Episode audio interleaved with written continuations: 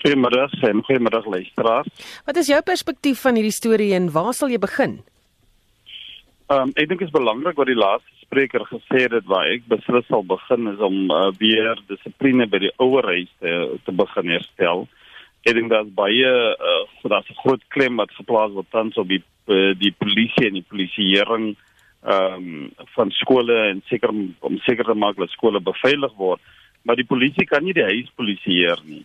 Iemand moet verantwoordelikheid neem om dinge reg te stel binne die huis en daardie uh, stelsel is die ouers. En daarom het ons hierdie program begin, dissipline begin by die huis want ons het besef dat uh, onderwysers kan nie alleen verantwoordelik gehou word vir leerders se gedrag nie. Ehm um, wat wel moet begin gebeur en dit is 'n 'n area waar daar groot leemte tans is dat die ouers word nie genoeg gekapasiteer hoe om hulle kinders uh respek te kan leer en dissipline te kan leer nie. En daarom is dit belangrik dat ons 'n groter fokus moet plaas op um dissipline begin by die huis en dat ouers opgelei moet word hoe om dit te kan hanteer, hoe om dit te kan implementeer. Want ek dink ouers is mede verantwoordelik vir veiligheid by die skole en om seker te maak dat hierdie kinders wat hoë aggressiewe gedrag toon dat hulle beter bestuur en hanteer kan word. Hoe diep is die krisis? Dit is 'n nasionale krisis. Dit is 'n krisis wat ons nooit gedink het sal gebeur in die nuwe Suid-Afrika nie en op hierdie stadium is dit uh hierdie gewelddadige misdaad waarmee ons uh groot uitdaging het. Uh, baie mense praat van die hoë misdaadsyfer. Uh, maar dit is die gewelddadigheid van die misdaad wat kommerwekkend is. En dit sê vir ons dat daar 'n sekere tipe van ehm um, kind is, 'n sekere tipe van jong mens ehm um, wat opgroei binne hierdie gewelddadigheid. En daarom is dit belangrik dat hierdie gewelddadigheid uh, maak mense seer. Dit bring vrees. Dit is die mees gruwelikste dade wat jy onder skoon kan kry wat ons stand sien in ons gemeenskappe en ons skole. En op hierdie stadium as die uh voel onderwysers voel onveilig onderwysers voel bedreig onderwysers is hierdie 'n stelsel wat reeds beskerm moet word want wat gebeur hulle is sentraal deel van die heropbou van ons land maar hulle voel onveilig want ons sit met hierdie hoë aggressiewe leerders wat van die huise af van die gemeenskap kom en ons kan nie net onderwysers alleen verantwoordelik hou nie en daarom is dit belangrik dat ons ouers moet bemagtig van ons kry nou nie net 'n situasie Ehm uh, alles praat altyd van gehoorsame ehm um, ouers en streng kinders, maar ons kry nou ouers wat wat hulle kinders vrees. Hulle is bang vir hulle kinders. En een van die redes is hulle het nie die nodige vaardighede, hulle het nie die nodige ouerskapsvaardighede om hierdie ehm um, kinders met hierdie hoë aggressiewe vlakke te kan hanteer nie. En op hierdie stadium is dit 'n nasionale krisis.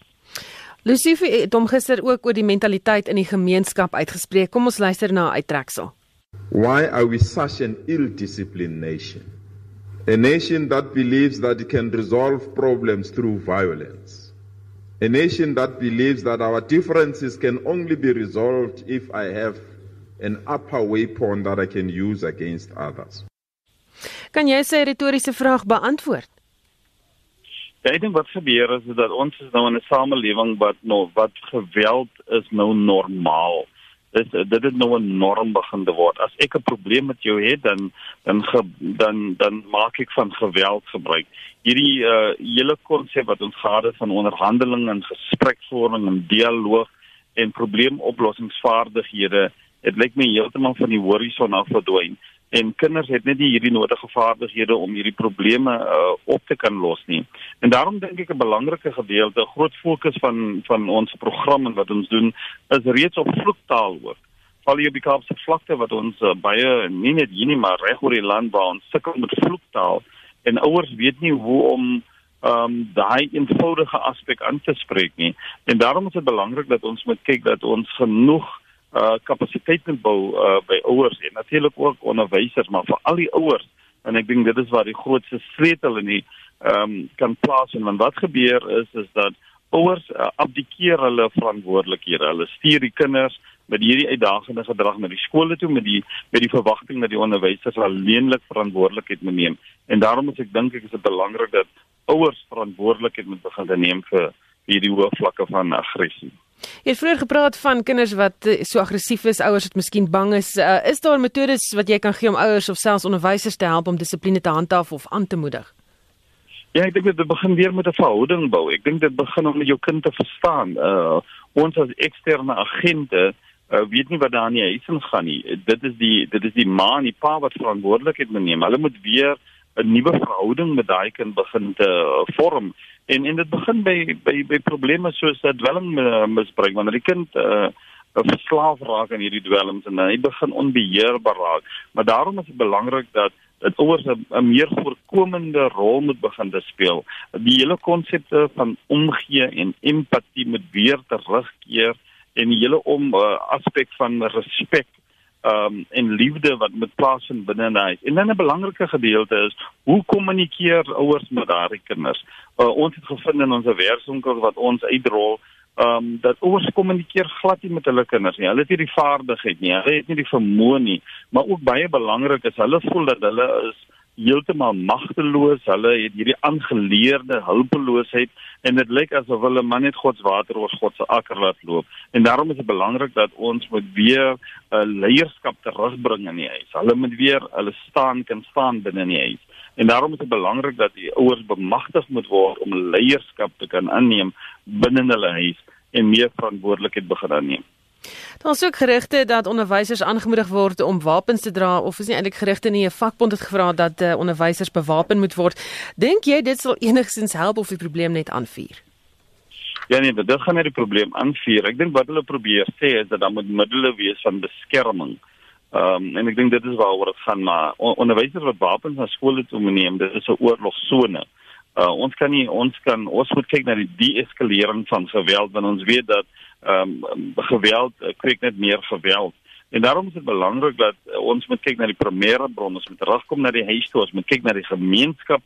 Watter inisiatiewe het die gemeenskap? Watter inisiatiewe het die raadslede ehm um, en die plaaslike regering vir vir, vir hierdie uitdagings?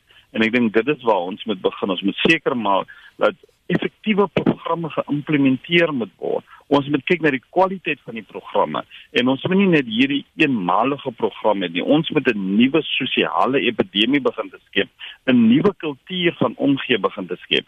En dit kan net gebeur as ons deurlopend aandag skenk en fokus plaas op goeie deurdagte wetenskaplike gefundeerde programme wat seker maak dat transformasie plaasvind en dat kognitiewe herstrukturering van hierdie kinders plaasvind. Want as ons dit nie gaan doen nie, dan gaan ons hierdie generasie verloor. Ons gaan alreeds in 'n onveilige situasie wees en dit gaan ondraaglik wees, nie net vir vir vir, vir die partye wat in 'n gemeenskap is nie, maar ook ons gaan dit reg deur die samelewing sien.